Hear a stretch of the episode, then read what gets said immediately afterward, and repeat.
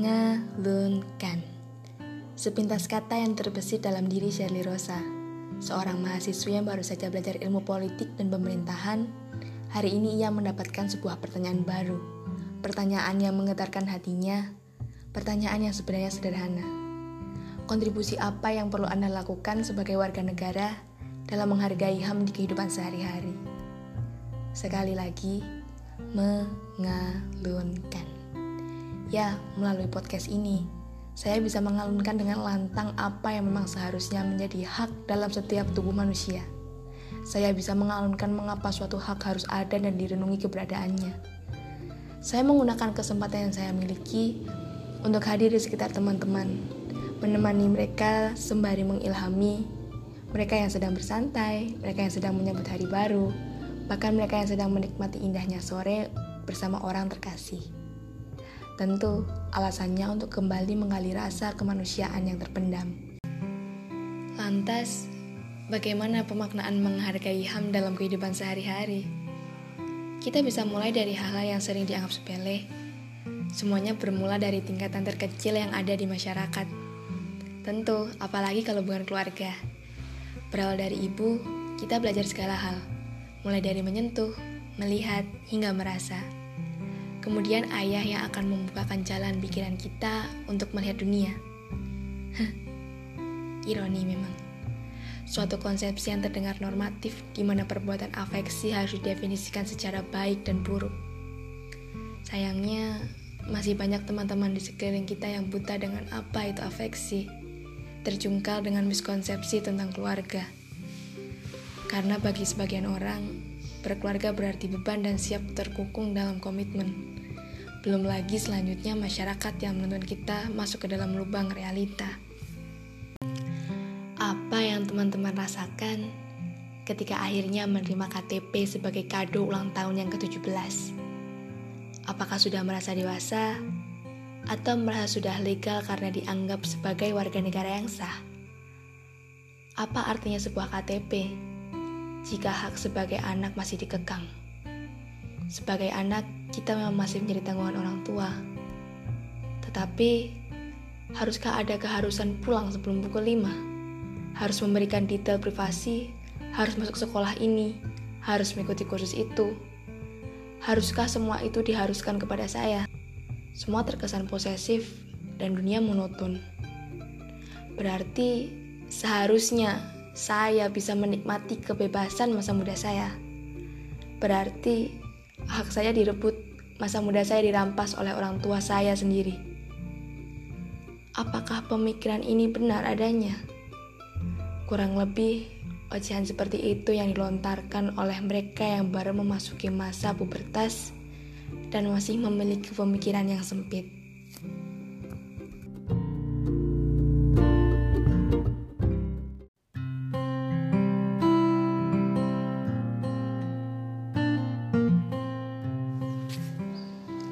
Berawal dari keluarga, kita akan belajar tentang tata krama dan etika.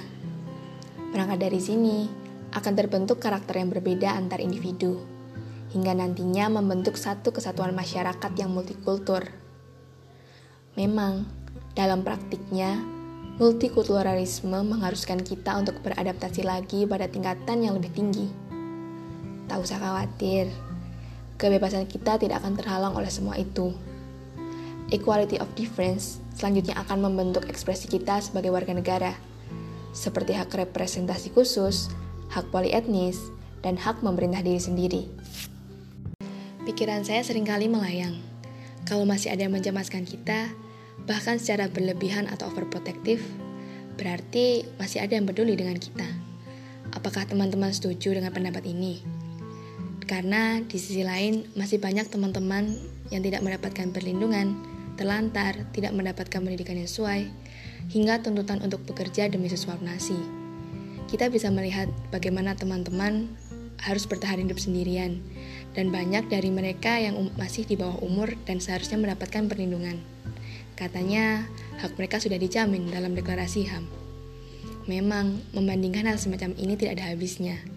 Untuk itu, kita perlu adanya rasa kebersamaan untuk saling melengkapi.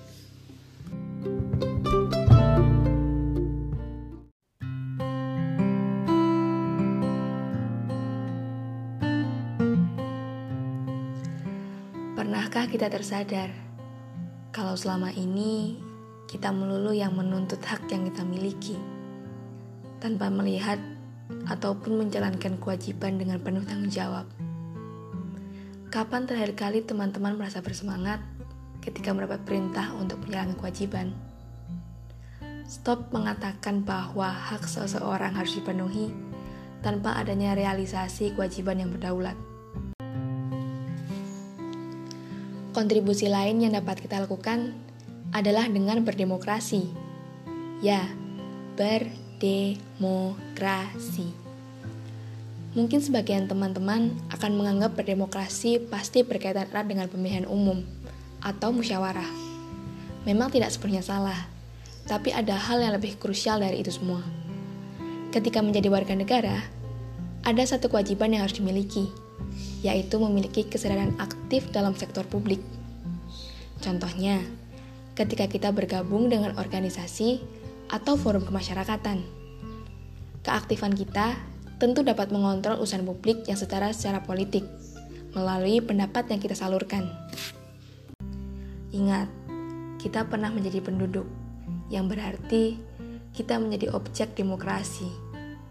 Lain lupuk, lain ikannya perubahan sistem dan zaman membuka pikiran kita yang sudah sepatutnya mengasah subjektivitas sebagai warga negara, di mana kita harus menempatkan diri dan di mana menempatkan cara berperilaku dalam praktik politik.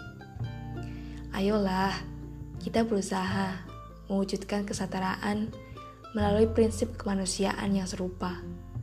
Walaupun tak dapat dimungkiri, segala yang ada di dunia ini tak bisa sama. Kalau semuanya sama, maka tidak ada pembanding untuk parameter kesejahteraan hidup. Ketika berbicara serupa, hal yang dimaksud adalah dapat menikmati hal baik. Kemudian apa itu sejahtera? Sejahtera berarti kita dapat menerima apa yang kita miliki. Oleh karena itu, kita bisa memaknai menghargai hak asasi manusia dalam kehidupan sehari-hari dengan cara menyeimbangkan hak dan kewajiban. Dengan menyadari apa peran kita sebagai warga negara, hak asasi manusia dapat ditegakkan melalui toleransi keberagaman.